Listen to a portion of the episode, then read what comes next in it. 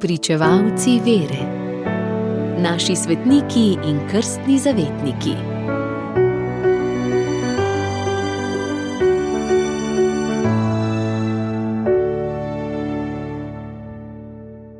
Danes zgodujete sveta Kozma in Damjan, mučenca. Poleg zdravnikov in lekarnarjev, zobozdravnikov, kirurgov in zdravstvenih šol, so svetega Kozma in Damjana izbrali za svoje zavetnika še drogeristi, brivci, fiziki in slaščičarji, sta priprošnika pred epidemijami. Poglejmo zakaj. V prvi euharistični molitvi ali kanonu, ki je sedanjo obliko dobil v petem stoletju, so v spominu svetnikov poleg dvanajsterih apostolov in desetih rimskih mučencev omenjate tudi Kozma in Damjan, kot edina svetnika vzhodne cerkve.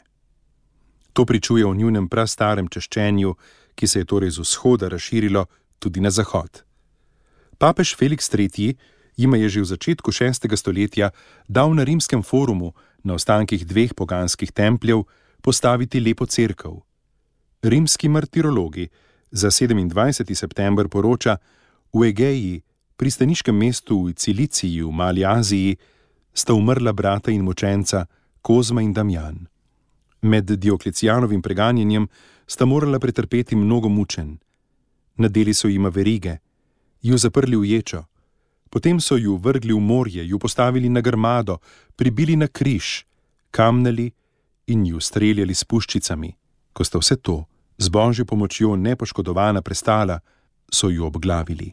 Z njima vred so bili obglavljeni tudi trije njuni telesni bratje: Antim, Leonti in Eurepi.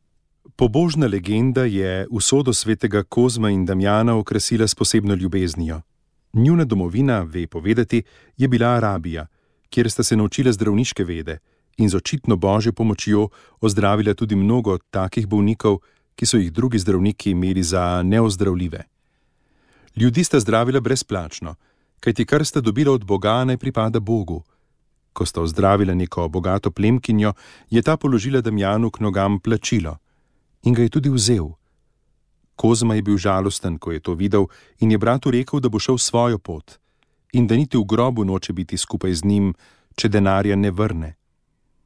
Po noči se je Kozmi prikazal Jezus in mu dejal naj brata ne obsoja, kajti podarjenega denarja ni sprejel iz lakomnosti, ampak zato, da bo pomagal revnim.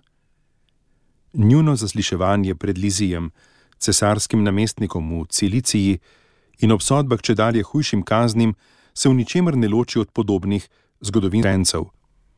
Že v prvih odgovorih na sodnikova vprašanja slišimo prepričljive besede, ki so neminljive, pa čeprav bi vse drugo, kar se poroča o Kozmi in Damjanu, ne imelo zgodovinske podlage. Te besede so: Ozdravljala sva bolj z božjo močjo, kakor s svojim znanjem, ni nama za zemske dobrine, zakaj Kristusova sva. Iz teh besed veje živi duh prvega krščanstva, junaški duh mučencev. Zaradi teh besed je vredno, da god bratov Kozme in Damjana še vedno obhajamo. Svetnika upodabljajo kot mlada zdravnika v dolgi vzhodnjaški obleki, obšiti s kožuhovino in z visokim pokrivalom.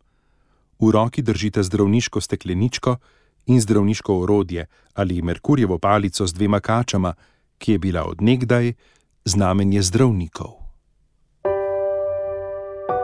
Radio Ognišče, vaš duhovni sopotnik.